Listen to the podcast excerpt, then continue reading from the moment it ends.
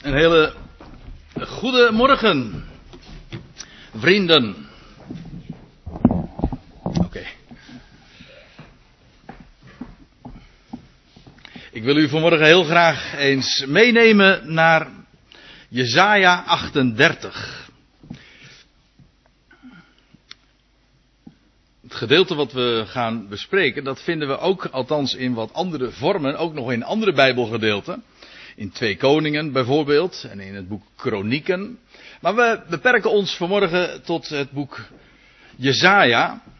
Waar we de geschiedenis vinden van Hiskia die herstelt van, op een wonderbaarlijke wijze herstelt van een ziekte.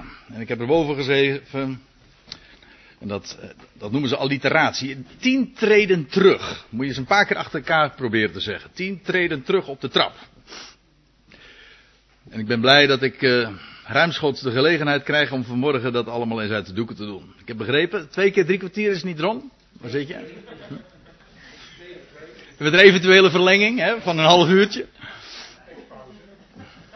Alleen ben ik bang dat het dan strafschoppen gaan worden. Ja. En ik loop een brunch mis, ja. Ja, nee, we gaan, maar we gaan dan gewoon meteen van start. Jezaja 38. En daar vinden we in. Wacht even. Dat gaat niet helemaal goed. Dat gaat beginnen meteen. Zo is die.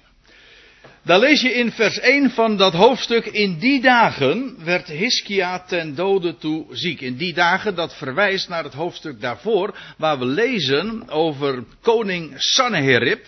Een machtige heerser in die dagen van het Assyrische Rijk. Die een beleg had geslagen om.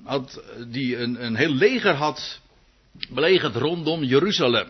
En we lezen ook in datzelfde hoofdstuk dat hier dus aan vooraf gaat, dat daar in één nacht een, een leger in de pan gehakt wordt op een wonderbaarlijke wijze. Een engel des Heren trof hen.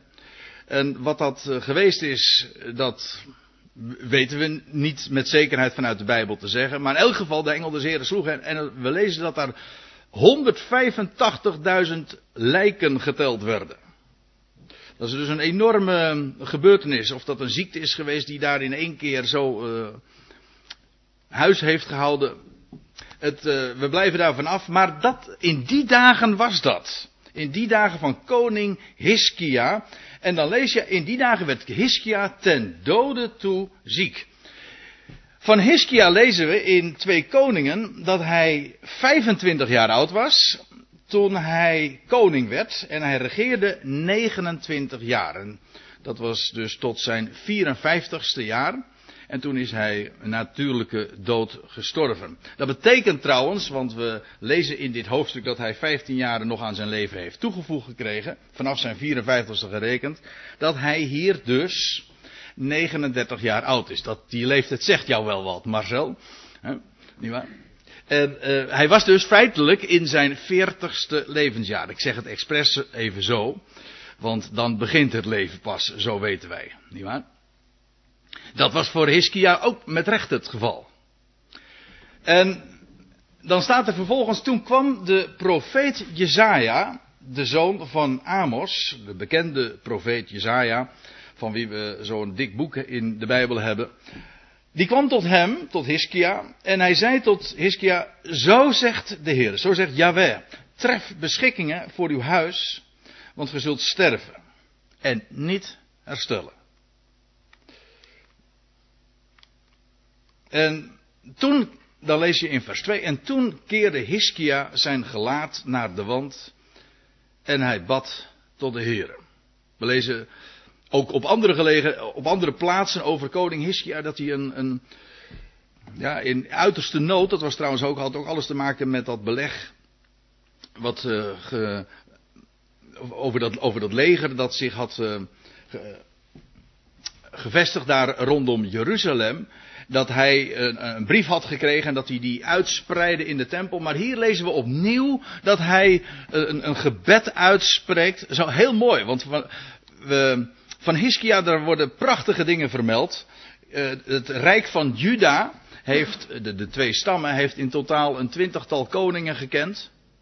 Maar slechts zeven, van zeven van hen lezen we dat zij hebben gedaan wat recht was in de ogen van de Heer. En Hiskia was een van hen. Eigenlijk een, hoog, een groot hoogtepunt. In zijn dagen heeft ook een geweldige opwekking plaatsgevonden. Herstel van de tempeldienst, etc. Nou, hoe dat ook zij, Hiskia krijgt dit in de kracht van zijn leven. Zo noemt hij het later ook. In de kracht van zijn leven deze boodschap te horen dat hij ten dode toe ziek is en dat hij niet zou herstellen. En dan lees je dus dat hij zich zijn gelaat naar de wand richt en hij bad tot de Heere. En hij zeide, ach Heere, gedenk toch dat ik voor uw aangezicht in trouw en met een volkomen toegewijd hart gewandeld heb. En gedaan heb ook wat goed is in uw ogen. Ik denk, als ik zoiets lees, dan is Hiskia geen Calvinist geweest, want dan zou je dat nooit zo hebben mogen zeggen. Maar Hiskia was zich bewust van het feit dat hij de Heere kende. Dat hij rechtvaardig was ook in zijn ogen. En, en Jehiskia doet daar ook een beroep op. Op het feit dat hij de God kende. En ik, moet er, ik zal daar straks nog iets bij zeggen. Maar eerst nog even, voor, uh, even voortgaan met, met wat we dan lezen in het vierde vers. En Hiskia, hij weende luid. Dus Hiskia was natuurlijk enorm aangedaan door, door deze boodschap. En toen kwam het woord van Yahweh tot Jezaja. En die krijgt te horen, ga en zeg tot Hiskia, zo zegt de Heere, de God van uw vader David, ik heb uw gebed verhoord. En uit de wijze waarop dit geformuleerd wordt, kun je opmaken dat Hiskia ook een beroep heeft gedaan op de God ook van David. Zo wordt hij immers ook hier aangesproken. De God van uw vader David, ik heb, gehoor, ik heb uw gebed verhoord. Wat, waarom wordt David hier hierbij genoemd? Nou, dat is niet zo moeilijk hoor.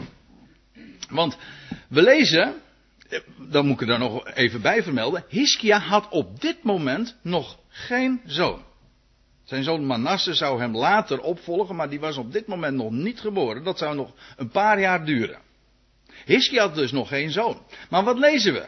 Wat had God ooit aan David beloofd? Het was namelijk niet alleen maar dat Hiskia zich ervan bewust was van ja, ik ben in de kracht van mijn leven en nou krijg ik zo'n fatale boodschap. En ik zal niet herstellen van deze dodelijke kwaal. Maar hij wist dat God ooit aan David een dure eed had gezworen. Je leest in Psalm 132. De Heere heeft een dure eed gezworen waarop hij niet terugkomt. God zweert niet zomaar hoor. God belooft, want zijn ja is ja en zijn nee is nee. En hij doet wat hij zegt. Maar er zijn een paar voorbeelden in de Bijbel dat hij een eed zweert. En de Hebreeënbrief legt ook uit waarom, dat, waarom God dat bij een unieke, speciale gelegenheid ook doet. Opdat door twee dingen staat er dan bij vast zou staan, onweerlegbaar vast zou staan, dat het waar is wat God spreekt. God zweert dan bij zichzelf. Hij heeft dat aan Abraham ooit gedaan. Bij nog een tweetal gelegenheden lees je dat. Maar ook aan David heeft hij een dure eed gezworen. Waarop hij dus never nooit terugkomt. En, dan, en wat was dat? Wat was die eed? Eén van uw lijfelijke zonen zal ik op uw troon zetten. En dan staat er in, nog in het vervolg van dat, die, dat Psalm 132, maar we vinden het ook op andere plaatsen hoor. Voor immer. Tot in de Aion. Dit staat, zeg ik er even bij, in Psalm 132. En dat is het lied van Hamaalot. Het, een van de vijftien liederen van de treden.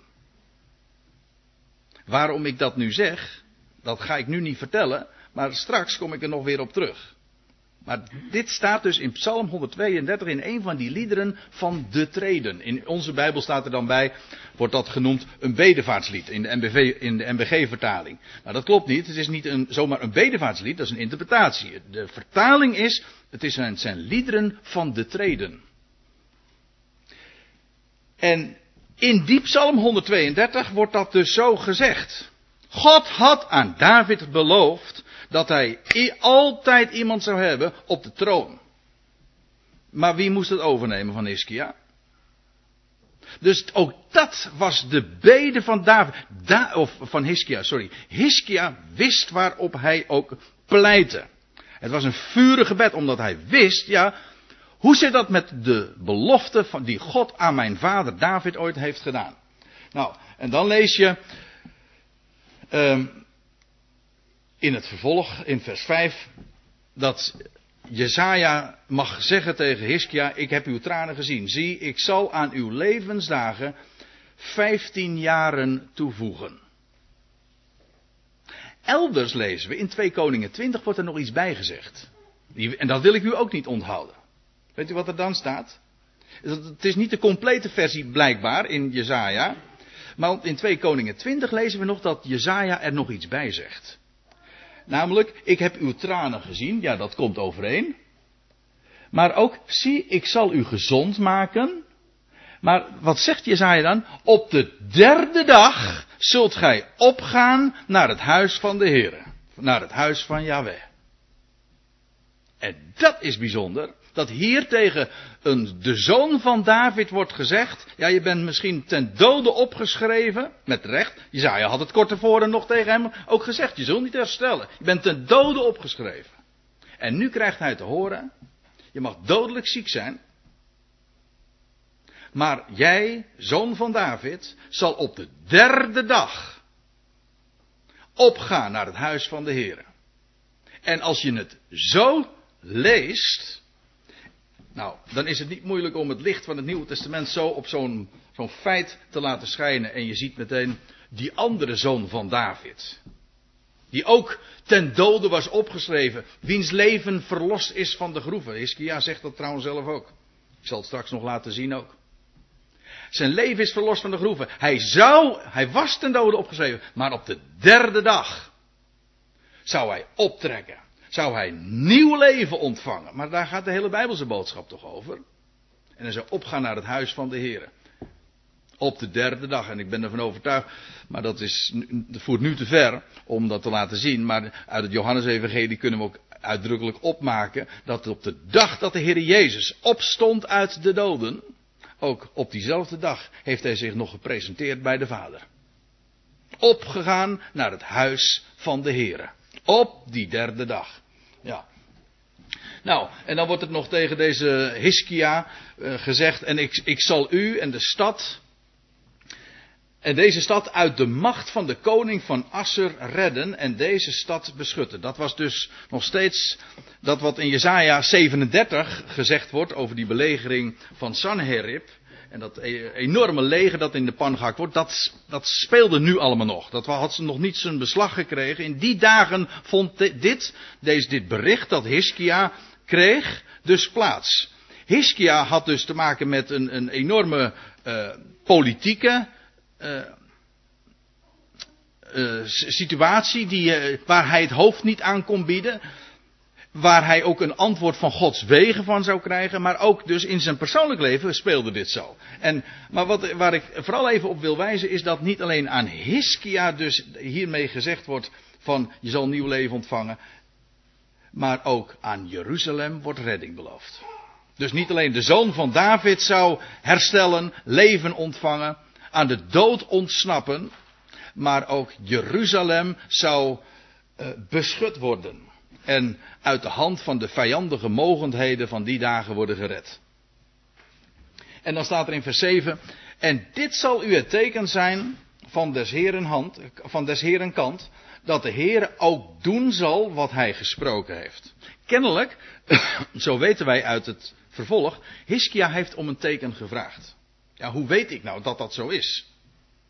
In vers 22 lezen we, en Hiskia had gezegd, wat is het teken dat ik zal opgaan naar het huis des Heren? Nou, en dan krijgt hij van Jezaja dit antwoord.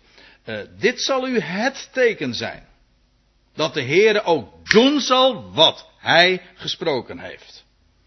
En dan staat er in vers 8, zie, ik doe de schaduw van op de treden waarlangs zij door de zon op de trap van Agas is afgedaald, weer tien treden teruggaan.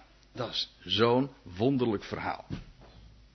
Als u trouwens een statenvertaling hebt, dan ziet u het iets anders weergegeven. Dan wordt er niet gesproken over een trap, maar wordt het eigenlijk ook min of meer uitgelegd. Dat blijkt ook wel uit, die, uit de cursief. Dat is namelijk niet een echte letterlijke vertaling, maar die vatten het op als een, als een zonnewijzer. Dus de schaduw van de graden, die met de zon in de graden van Agas.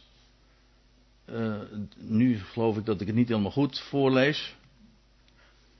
Nou, ik heb het waarschijnlijk niet helemaal goed weergegeven. Maar in elk geval wordt er gesproken over een, over een zonnewijzer die 10 graden weer terugtreedt. Ik bedoel, wij maken gebruik van een klokje. Ik, ik moet nu ook al gebruik maken van een klokje, nietwaar? Maar je zal toch maar meemaken dat die klok zomaar weer 10 minuten terug gaat. Dat zou handig zijn. Hè? dan krijg je zomaar 10 minuten extra. Nee, maar ik bedoel, dat is wat er in het leven van Hiskia heeft gespeeld. Hij kreeg dat als teken. En of dat een zonnewijzer is geweest of een letterlijke trap. Of het kan ook zijn dat die trap de functie ook heeft gehad van een zonnewijzer. dat blijft e- even, dat, dat laat ik in het midden. Doet ook niet de zaak. Waar het om gaat, is dat de, die schaduw, die afdalende schaduw waarvan hier gesproken wordt, die zou weer terugtreden.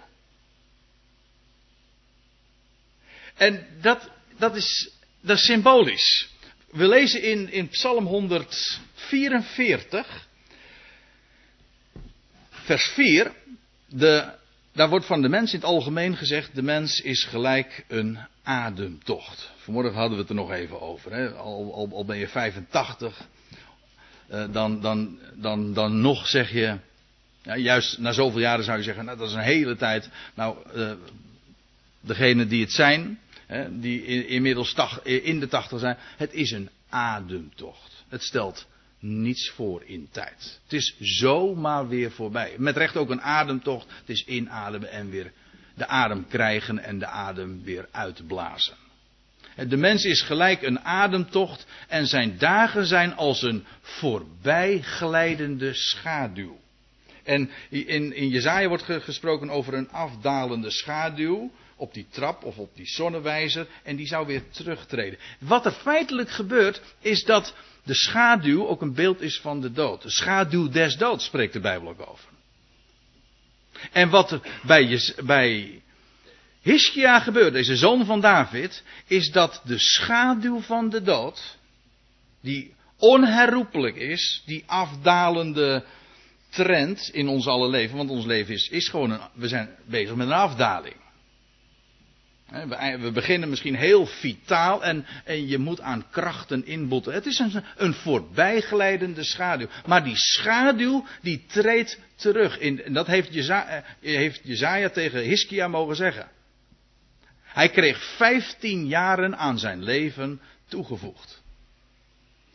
Dat wil zeggen, de schaduw van de dood week voor hem terug in zijn dagen, in zijn geval niet onherroepelijk. Het week alleen maar 10 graden terug. 10 treden terug. Maar u begrijpt dat het een beeld is van hem, de zoon van David, die op de derde dag opging en opstond uit de doden, toen de schaduw definitief terugweek. Niet maar voor even, niet maar tijdelijk, niet maar een klein beetje, maar eens voor altijd. Dat is de boodschap van de Bijbel. Afijn, je leest dan in vers 8 zo heel kort. En de zon ging tien treden terug op de treden die zij gedaald was. En wat er toen gebeurd is, ja, dat, dat heeft altijd enorm natuurlijk vragen opgeroepen. En juist voor de dienst hadden we het er nog even over. Daar was een man, een Velikovski, die daar een dik boek over heeft geschreven. Wat daar toen in die dagen van Hiskia gebeurd is geweest. In het zonnestelsel. Dat daar een, een, een, een, een, eh, in verband met, hij spreekt dan over de rotatie van de aarde die gewijzigd is. Daar gaan we het nu verder helemaal niet over hebben. De Bijbel maakt er ook verder helemaal geen melding van. Verklaart het ook niet. Maar één ding is zeker. Dat is dat God alles in zijn hand heeft en dus ook de zon en de schaduw. Wij hoeven dat helemaal niet te verklaren. Hij is de schepper. Dacht u nou werkelijk dat er voor hem iets te wonderlijk zou zijn om dat te realiseren? Die schaduw die ineens dan tien treden terugtreedt. Dat is de God waar we in de Bijbel mee verdoen hebben. Die zegt, ik ben God en ik ben een God van wonderen. Dat wil zeggen, een God waarbij je je altijd verwonderd afvraagt, hoe is het mogelijk? Want dat is wat verwondering is. Hoe kan dat? Daar hoef je helemaal geen verklaring voor te hebben. We hebben een God. Daarom, en omdat Hij God is, is niets voor Hem te wonderlijk. Daarom hebben we ook, zijn we ook mensen van hoop. En van verwachting. En Hiskia heeft het in zijn leven heel concreet gezien. En hij kreeg 15 jaar aan zijn leven toegevoegd. En dan lees je in vers 9, en ik ga dat niet allemaal meer lezen, maar dan staat er dat Hiskia een, een geschrift heeft geschreven of laten optekenen. Een document heeft, achter, uh, heeft opgesteld naar aanleiding van dit wonderbaarlijke herstel.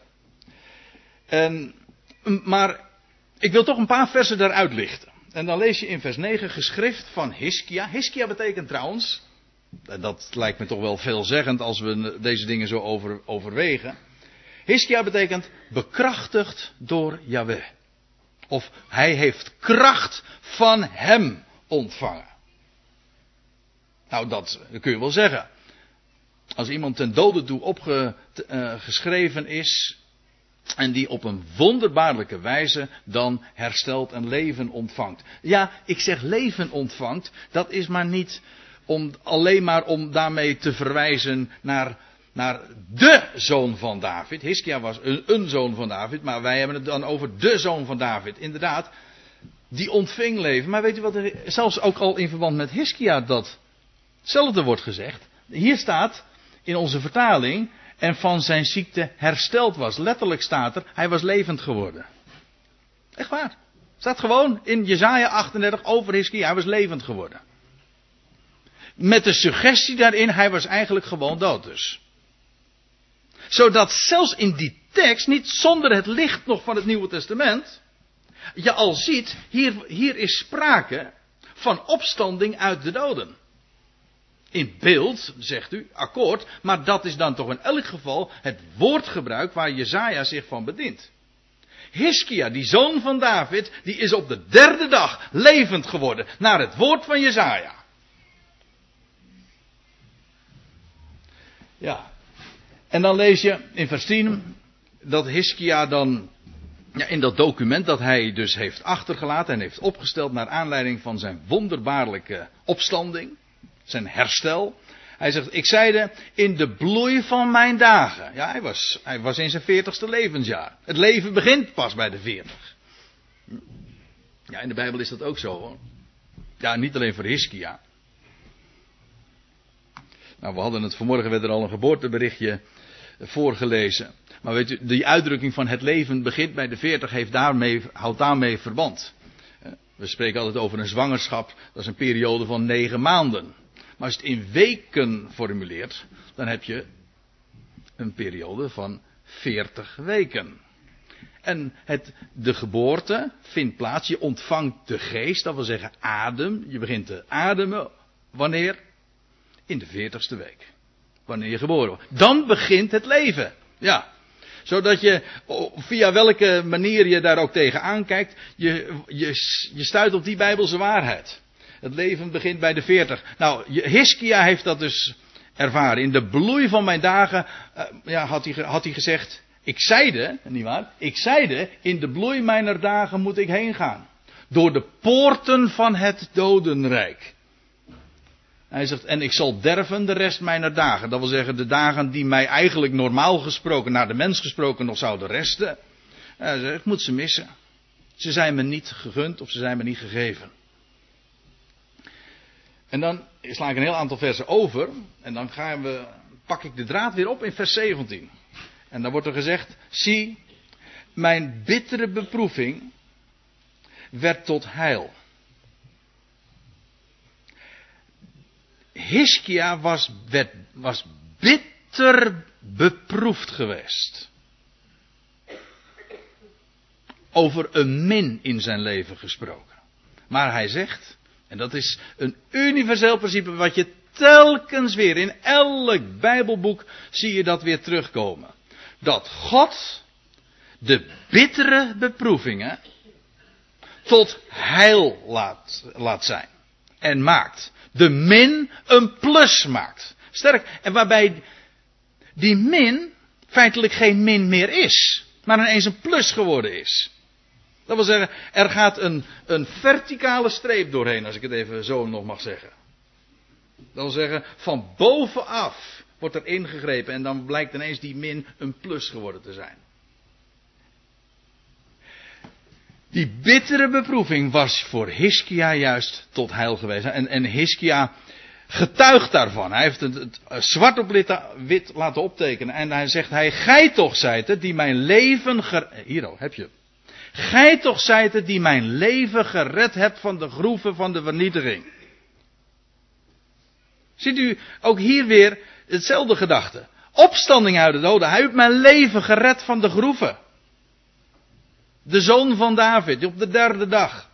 Want gij hebt al mijn zonden achter uw rug geworpen. Ik had het net over, Hiskia was geen Calvinist. Nee, dat was hij ook niet. Maar Hiskia was zich heel erg bewust van dat hij, naar de mens gesproken, ook gewoon een zondaar was. Maar hij wist, ik ken een God die vergeeft. En die al mijn zonden achter zich heeft geworpen. Vergeving. Een totaal nieuw begin, waarbij het oude voorbij is. Zie, het nieuwe is gekomen. In de kracht van zijn, van zijn leven, in de bloei zijner jaren, in dat veertigste jaar, heeft Hiskia daarvan getuigenis mogen afleggen. Want, zegt hij, want het dodenrijk looft u niet. Ja, dat zijn woorden die je nog eens, ook in de psalmen regelmatig terugvindt. maar ook in Jezaja wordt dat gezegd, het dodenrijk looft u niet. De dood prijst u niet. Wie in de groeven zijn neergedaald, hopen niet op uw trouw. Hiskia was niet iemand van de onsterfelijke ziel van Plato of zo. Nee, Hiskia die wist, ja, het zijn de levenden. En in, in opstanding gaan we naar de Heer toe. Niet de doden, de doden, de schimmen, die prijzen u. Ja, ik weet, het is ook een, een christelijk idee. Hè? Dat, dat, dat dit niet waar zou zijn. Dit wordt, men probeert dit weg te redeneren. Maar Hiskia, die, voor hem is het een vanzelfsprekendheid. De dodenrijk gelooft u niet. De doden prijzen u niet. Wie in de groeven zijn neergedaald, die hopen niet op uw trouw. Nee, de levende. De levende, hij looft u. Hij zegt, zoals ik heden doe.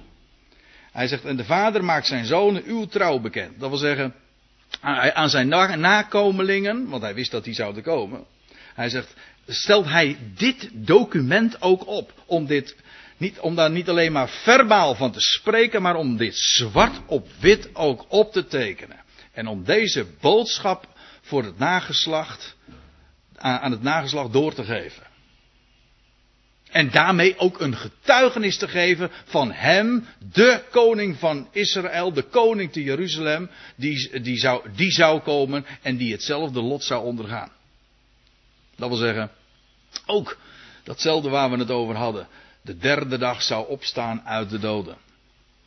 En dan lees je in vers 20, de Heer is gereed. Ja, daar wil, ik toch ook nog even, echt even aandacht aan geven. De Heer is gereed, zegt eh, Hiskia dan, om mij te verlossen. Daarom doen wij het, staat er in uw vertaling, of in de MBG-vertaling, daarom doen wij het snarenspel klinken. Maar dat staat er niet, er staat niet het snarenspel, maar mijn snarenspel klinken. Al de dagen van ons leven in het huis van de Heer. Hij kreeg er 15 jaar in zijn leven, aan zijn leven toegevoegd. Met dat teken van die, die tien treden. Hè? Maar weet u, en hij spreekt over mijn snarenspel. En weet u dat we dat in de Bijbel vinden, terugvinden? Het is onbekend, daarom vertel ik het u ook. Maar er zijn in de Bijbel 15 psalmen die heten Hamaalot. En Hamaalot betekent van de treden.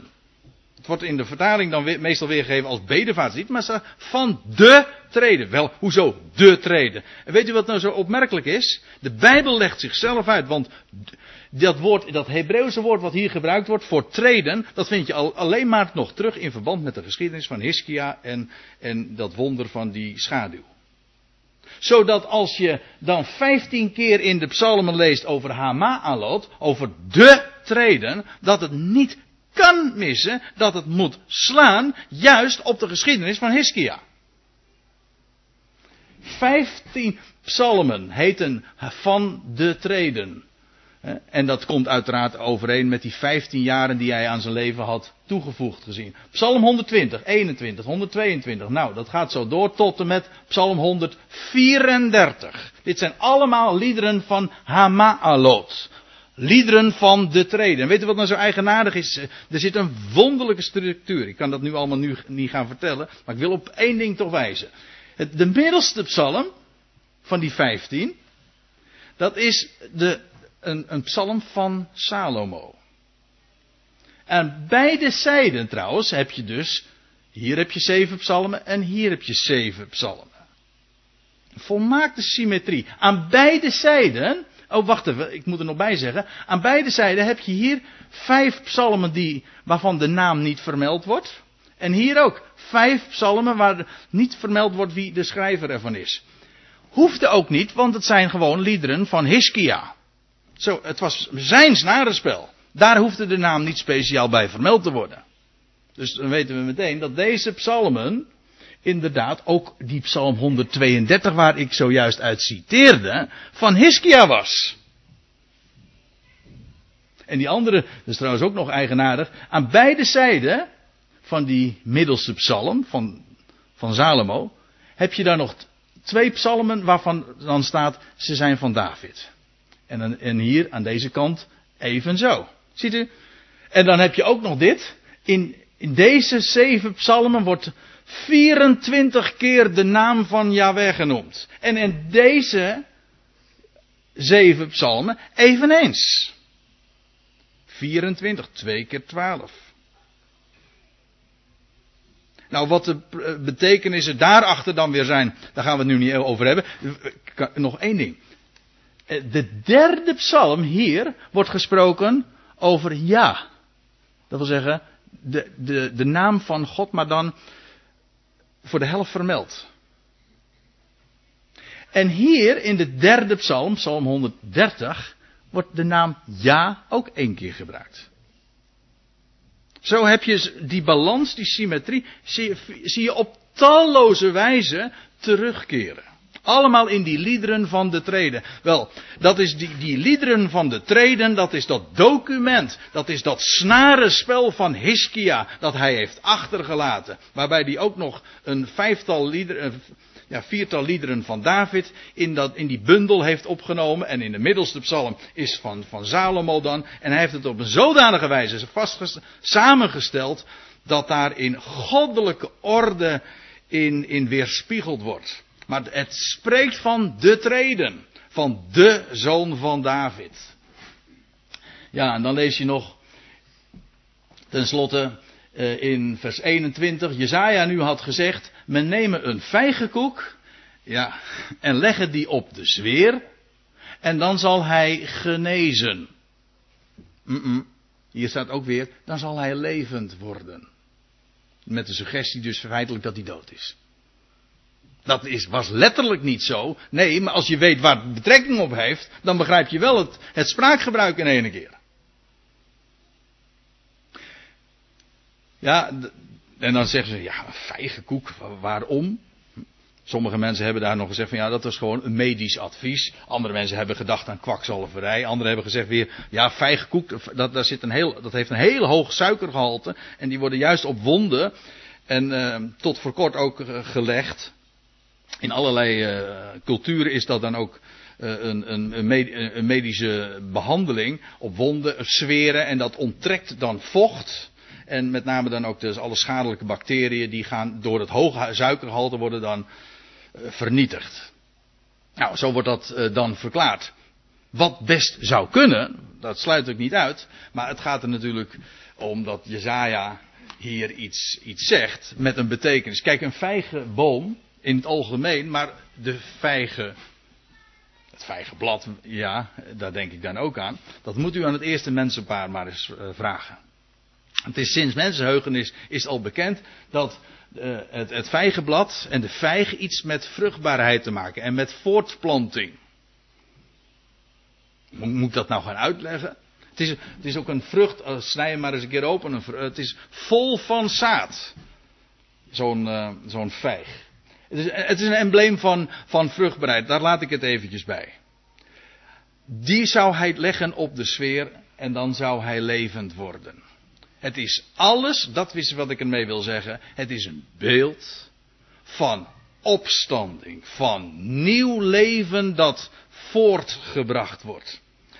Nou, en als ik dan eventjes vervolgens dan terugkijk op dit, dit hoofdstuk. Zo, ik heb zomaar wat, wat highlights genoemd. Dingen die mij opgevallen zijn. Die ik u graag wilde doorgeven. Wel, wat u moet onthouden is dit. Als u straks van hier gaat, waar dan ook naartoe. Hè, en u wil zeggen, eh, en u moet uh, later nog even vertellen van ja, waar heeft, waar heeft André vanmorgen het over gehad? Waar heeft hij de Bijbel over open gedaan? Dan zeg nou, hij had het over de zoon van de, als u het zo zegt, dan heb ik goed begrepen als u het mij vraagt.